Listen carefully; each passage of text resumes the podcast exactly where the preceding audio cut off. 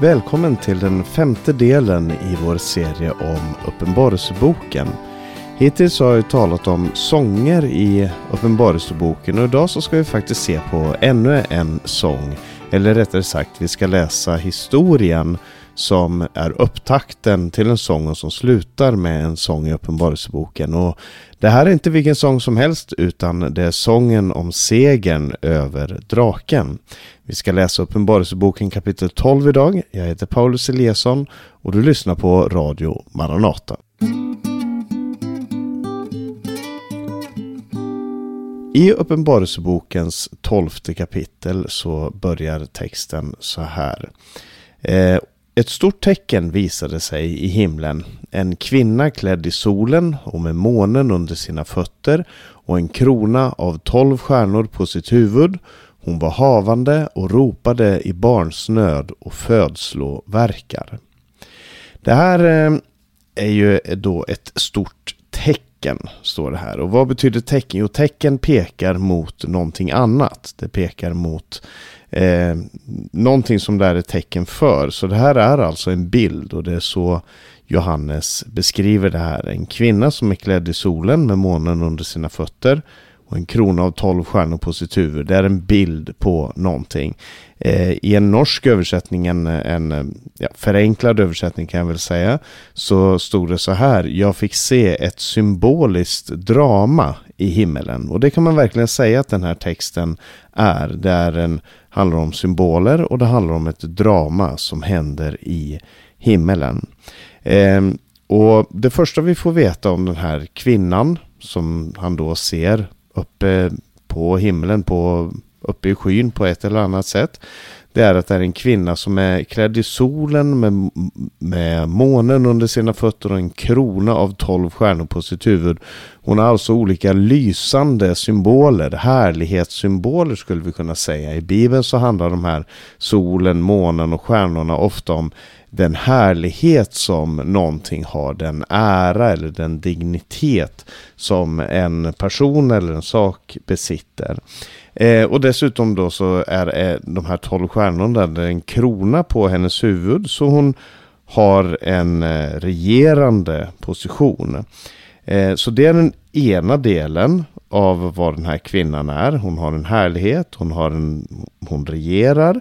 Eh, och det andra är som det står där att hon var havande, hon är alltså gravid och ropar i barnsnöd och födslovärkar så hon har vånda för sin födsel och eh, hon är väldigt sårbar. Alltså det finns ju få situationer där en kvinna är så sårbar som när man ska föda ett barn. Eh, så utsatt eh, och så har det så ont. Den smärta som man, som man genomgår där eh, är det, det, det högsta som man kan uppleva helt enkelt.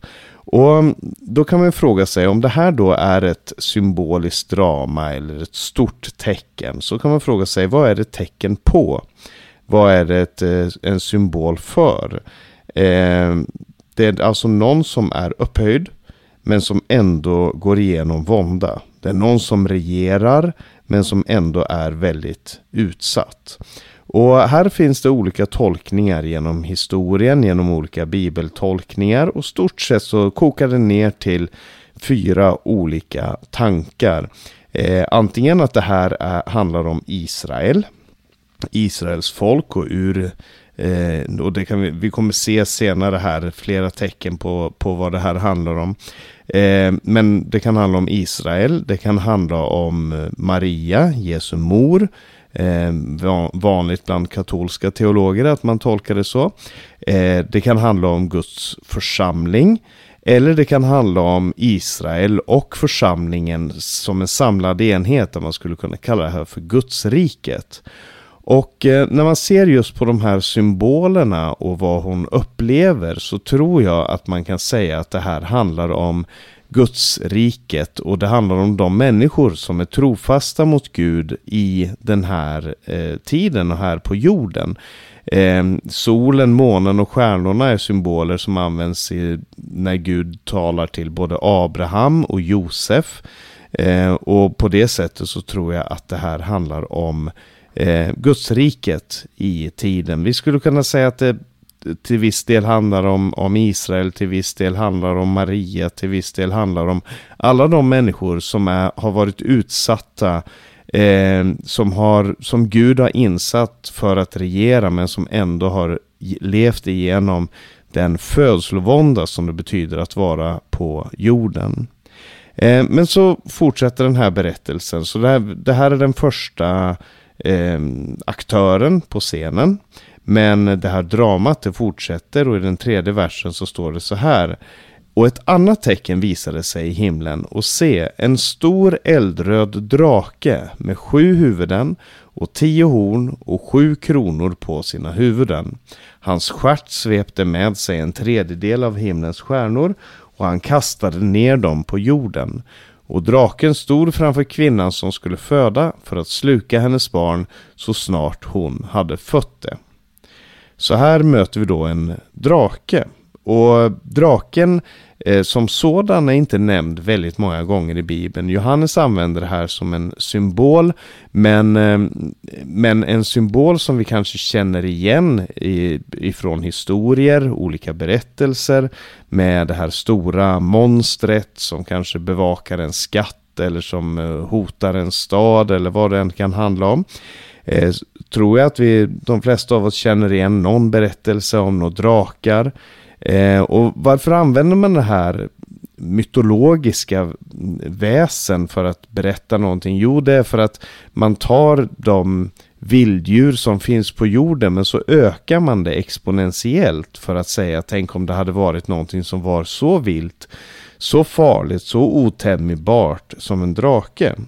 Och det här gör man ofta i Gamla Testamentet också. I Gamla Testamentet så används ord på hebreiska som Nachash, Behemot, Rahab och Tanin. Eh, och det här översätts på olika sätt med sjömonster eller sjöodjur eller eh, ibland så står det oöversatt som till exempel Behemot och Rahab eller Nachash som betyder, eh, eh, som betyder orm eh, eller någonting ormliknande i alla fall. Eh, men oavsett vilken vilken bild man använder, vilket ord man använder för det här. Och så det jag tror att Johannes försöker få fram det är den stora skillnaden mellan de här två aktörerna. Du har alltså på å ena sidan en kvinna som visserligen har den här härligheten. Hon har månen och stjärnorna och solen som, sina, som sin klädnad. Eh, men å andra sidan så är hon en kvinna som är i födslovånda. Som, som eh, har födslovärkar och ropar i nöd.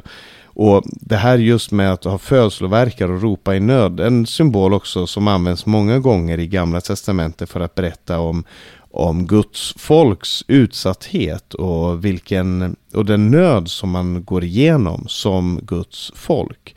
Så poängen här är att en kvinna mot en drake är en ojämn kamp. Och det är själva tanken i den här berättelsen, att det finns en kamp som är oerhört ojämn om man bara ser på de här två. Eh, du kan tänka på, alltså historiskt sett så har Babylon till exempel benämnts som ett vilddjur, ett lejon. Eh, det stora riket Babylon var ett vilddjur. Eh, jämfört då med, med det pyttelilla riket som hette Juda. Där Judas kungar regerade eh, och som blev då utsatta för Babylon. Vi kan också tala om Maria, jungfru Maria som födde sitt barn och som eh, blev utsatt för Herodes och hans eh, mord och mordförsök då han dödade alla pojkarna i Betlehem. Vi kan också tänka på alla de apostlar, evangelister som gick ut i världen efter pingstupplevelsen. Efter att anden föll så gick de ut i världen och förkunnade evangelium runt omkring trots att de var så svaga, så enkla. Alltså ta aposteln Paulus som befann sig i Rom, sin tids Babylon. Eh, och det här har varit den kristna erfarenheten i alla tider. Och det här brevet, eh, Johannes uppenbarelse, är ju skrivet då till sju församlingar som vi har talat om tidigare. Och jag tror att i de här församlingarna så fanns det väldigt många som kunde identifiera sig med den här känslan av att jag befinner mig också i den här stora, svåra situationen.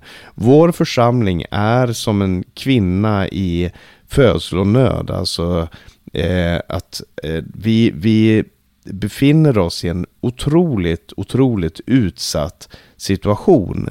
Och vi, vi eh, eh har som motståndare en drake som vi inte kan strida emot, som vi inte har någonting att ställa upp emot, utan vi är bara utsatta. Vi, är, vi, vi, eh, vi har inget försvar i oss själva. Och det är det som, som den här texten verkligen sätter fokus på och som den önskar att trösta och hjälpa de församlingarna och de människorna som upplever den här situationen på det sättet. Eh, om vi läser vidare här så får vi lite mer information om vem den här kvinnan är och vad situationen är. Det står att och hon, alltså den här kvinnan, eh, födde ett barn, en son som ska styra alla folk med järnspira och hennes barn rycktes upp till Gud och hans tron. Kvinnan flydde då ut i öknen där hon har fått en plats, där hon har en plats som Gud berett för henne så att hon får sitt uppehälle där i 1260 dagar.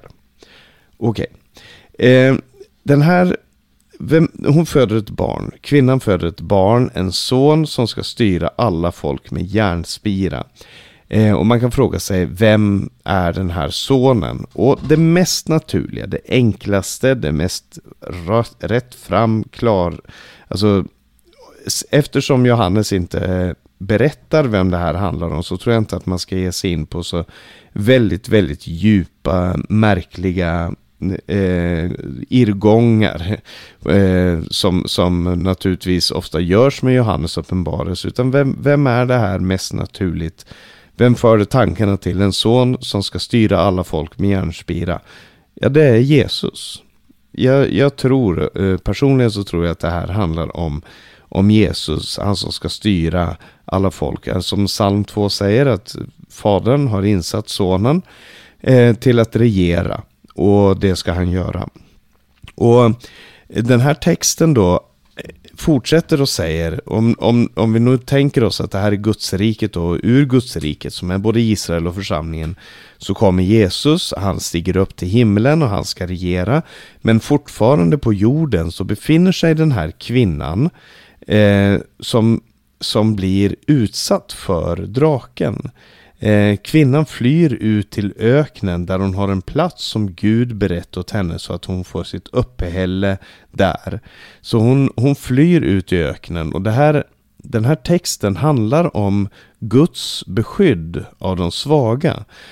Här på jorden så finns det en plats som är beredd för henne där hon flyr, hon gömmer sig och det finns en plats som är beredd för henne där hon kan gömma sig.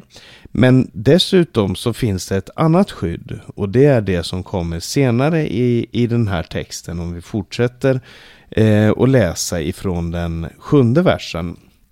Så står det så här i den eh, sjunde versen och det blev en strid i himlen Mikael och hans änglar stred mot draken och draken och hans änglar stred men han var inte stark nog och det fanns inte längre någon plats för dem i himmelen. Och den store draken, den gamle ormen som kallas djävul och satan och som förleder hela världen kastades ner på jorden och hans änglar kastades ner med honom. Okej, okay. så det första vi får se här det är att draken strider mot Mikael och hans änglar. Och Mikael möter vi i Daniels bok som en av Guds ärkeänglar, försten bland änglarna. Eh, så det är han som, som draken strider emot. Det första vi kan se alltså är att Draken strider inte mot Fadern som sitter på tronen, inte heller mot Lammet som är Jesus Kristus, utan mot en ängel. Det är hans rang, det är hans eh, position. Han, eh, han är en fallen ängel och hans eh, motståndare blir då eh, de änglarna som står i trofasthet emot Gud. Och det är viktigt för att vi, eh, hela Uppenbarelseboken handlar om Guds suveränitet och vad Gud tillåter och vad Gud inte tillåter och vad Gud har för plan med hela mänskligheten. Och det är inte så att djävulen eh, om inte gör Guds planer eller att han förstör Guds plan på något som helst sätt. Utan eh, det enda som djävulen eller, eller eh, draken, han identifieras ju här med flera namn som som djävulen, Satan, eh, den gamla ormen och så vidare. Det enda han har, det är den här kampen som Gud tillåter honom att kämpa. Alltså den makten som Gud tillåter honom att ha. Och eh, det, det är en förtröstansfullt för den som, som lever på jorden och som upplever den här kampen, som upplever den här ojämnheten, som den naturligtvis måste ha varit för till exempel en, en eh, eh ett vittne i Thyatira eller i Smyrna eller i eh, Philadelphia eller i Laodicea. Ett trofast vittne som stod för Jesus, som tillbad honom och som eh, på, på, där och då upplevde hur den här romarmakten, romarriket, eh, utövade sin makt på ett så fruktansvärt sätt mot alla de som, som tillbad Gud. Så måste den här ha varit en tröst att se att det finns en som kämpar för oss i himmelen. Det finns en strid i himmelen som pågår just nu. Eh, och den striden, den där är inte djävulen stark nog. Han var inte stark nog och det fanns inte längre någon plats för dem i himlen. Vilket betyder att himmelen är fri, att himmelen är eh, beskyddad. Och den som är där är också beskyddad. Det finns ingen kamp längre i himmelen. Utan kampen i himmelen har vunnits och den har vunnits av då ärkeängeln Mikael och hans änglar. Han var inte stark nog, draken, och den draken kastades ner på jorden. Och det här är ju någonting som vi möter väldigt många gånger i, eh, i eh, både gamla och nya testamentet. Tanken på att djävulen kastas ner på jorden. Redan i eh, Jesaja kapitel 14 så står det om kungen, det står om Babylon som har fallit, Babylon som har fallit ner till jorden eh, och som har kastats ut ifrån himlen. Och på ett symboliskt sätt så handlar det här om djävulen och han som kastas ut ifrån himlen. Och ett parallellt, en parallell text till det är Hesekiel 28 som beskriver kungen i Tyrus och beskriver kungen i Tyrus på ett så symboliskt sätt att man förstår att man kikar in bakom vad som, är, vad som ligger bakom den makten som kungen i Tyrus står för och får se att det är demoniska, djävulska krafter, andliga krafter som önskar att detronisera Gud men som inte klarar det. Så det i Jesaja kapitel 14 där står om Babylon, Babylons kung som kastas ner ifrån himlen till jorden. I Hesekiel 28 så står det om kungen i Tyre som kastas ut ifrån Edens lustgård eh, till jorden. Och sen när vi går till Nya Testamentet och läser vad Jesus talar om där så står det i Lukas kapitel 10. Eh, så när hans lärjungar kommer tillbaka efter sitt missionsuppdrag och säger att demonerna är oss lydiga så säger Jesus Jag såg Satan eh, falla ner ifrån himmelen som en blixt. Och eh, så Jesus beskriver antingen någonting som hade hänt eller någonting som han såg just där eller som han såg med en profetisk blick. Eh, där han ser hur Satan kastas ut och det har att göra med evangeliets förkunnelse i världen. Och i Johannes kapitel 12 så säger Jesus också, det här är strax innan han ska gå korsets väg, när han vet när han, när han har sina, sin blick fäst på Jerusalem, vet vad som ska hända där, så avslutas den texten med att säga, eh, och Jesus säger, eh, nu ska denna världens första kastas ut. Och så man kan ju fråga sig, när är det djävulen egentligen kastas ut? Är det i Jesaja kapitel 14? Är det i Hesekiel 28? Är det i Lukas kapitel 10? Är det i Johannes kapitel 12? Eller är det i Uppenbarelseboken kapitel 12? Och jag tror att svaret på det är ja. Eh, det är alla de här gångerna därför att det är en pågående process som, som har sin största eh, sitt största centrum i Jesus seger på Golgata. Där verkligen djävulen förlorade sin makt och där hans trofasta verkligen fick en seger. Eh, men jag tror att vi ska se på världen på det här sättet. Se på vår egen kamp på det här sättet. Se på de demoniska krafter som vi upplever i vårt eget liv på det här sättet. Att eh, vi har inget försvar i oss själva, men vi har en som kämpar för oss.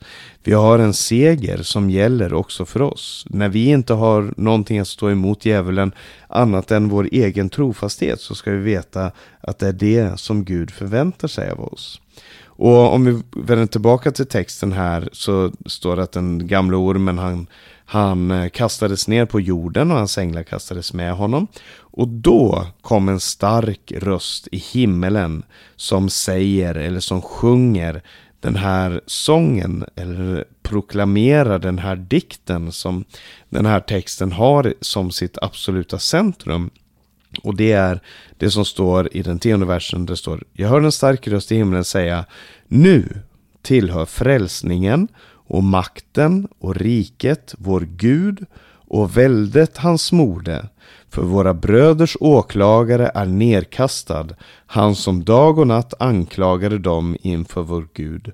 De övervann honom genom Lammets blod och genom sitt vittnesbörds ord. De älskade inte sitt liv så högt att de drog sig undan döden. Jubla därför ni himlar och ni som bor i dem, men ve dig du jord och du hav, för djävulen har kommit ner till er i stor vrede eftersom man vet att hans tid är kort. Det här är solosången. Innan så har vi sett sånger som sjungs av både 4, 24 och, och eh, eh grupper på st större grupper och änglar och en skara som ingen kan räkna. Men här är en solosång. Och den här solosången säger att frälsningen tillhör vår Gud och väldet hans smorde. Så Fadern och Sonen regerar. Och hur vet vi att Fadern och Sonen regerar? Jo, just därigenom att djävulen har kastats ner. Och det ger ett nytt perspektiv på den kamp som vi har på jorden, nämligen att djävulen är detroniserad ifrån himmelen och hans enda plats att verka på är den här jorden. Åklagaren har varit tvungen att lämna domstolen därför att domaren och advokaten har vunnit seger. Det finns en, eh, en frikännande, frikännande dom för de som har varit anklagade och därför så får åklagaren lämna domsalen. Han har inget, inte längre någon tjänst där, han har ingenting han kan säga. Och, och därför så flyttas han ner till jorden och här har han sin, sin, eh, sitt uppdrag, sin tjänst eller vad man ska kalla det. Det är här han utför sitt krig i den yttersta tiden. Eh, så, och så kan man ju fråga sig för att Innan så stod det här att det var Mikael som, och hans änglar som stred mot draken och som vann över honom. Men senare så står det att det var de bröderna, som, alltså syskonen, som övervann honom genom lammets blod och sitt vittnesbördsord och att de inte älskade sitt liv så högt att de drog sig undan döden. Och man kan fråga sig, jaha, är det ärkeängeln som vinner segern? Eller är det de här syskonen som vinner segern genom Lammets blod och vittnesbördet som de har och, och, sin vilja att gå martyriets väg. Och jag tror att svaret på det ännu en gång är ja. Det finns en strid i himmelen som Gud vinner genom sin ärkeängel. Och så finns en strid på jorden som Guds folk vinner genom sin trofasthet. Det är det enda vi har som vapen. Det är det enda vi har som, som motvikt mot det draken gör. Det är Guds övernaturliga beskydd. Det är det som vi objektivt sett har i Lammets blod, han som dog för oss, han som förlossade oss ifrån jorden. Och det är det som vi har i det faktum att vi är trofasta ända till döden, att vi är trofasta i alla situationer. Så du kanske frågar dig själv, varför måste jag lida här på jorden? Och jag tror att Uppenbarelseboken har ett väldigt tydligt och klart svar på det. Och svaret på det är därför att draken är nedkastad. Det är därför vi lider på jorden. Han säger ve dig, du jord och du hav, för djävulen har kommit ner till dig. Och de sista verserna eh, i det här kapitlet säger att orm, eh, Eh, när draken såg att han var nedkastad på jorden förföljde han kvinnan som hade fött sonen. Men kvinnan fick den stora örnens båda vingar eh, för att flyga ut till sin plats i öknen där hon är skyddad från ormen får sitt uppehälle under en tid, tider och en halv tid. Ormen sprutade då vatten ur sin mun som en flod efter kvinnan för att svepa bort henne med floden. Men jorden hjälpte kvinnan. Den öppnade sin mun och svalde floden som draken sprutade ur sin mun. I sitt raseri mot kvinnan gick draken bort för att strida mot hennes övriga barn, de som lyder Guds bud och håller fast vid Jesu vittnesbörd. Och vad det här betyder, det ska vi komma tillbaka till i nästa program. Men vi ser här att draken för en kamp mot den här kvinnan och hennes barn. Eh, men, och, och det är det vi upplever här på jorden. Men samtidigt så finns det ett hopp och det är det som är i himmelen, därför att det står jubla därför ni himlar och ni som bor i dem. Och när vi bor i himmelen, när vi har den segern, då finns det ingenting här på jorden som kan ta bort vårt jubel och vår glädje. Och det är det som den här texten handlar om.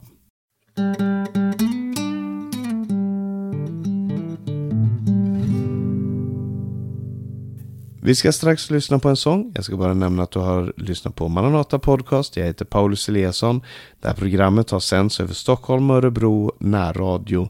Du kan komma i kontakt med oss via e-post info maranata.se eller telefon 070-201 60 20. Sprid Guds välsignelse till alla du möter och på återhörande.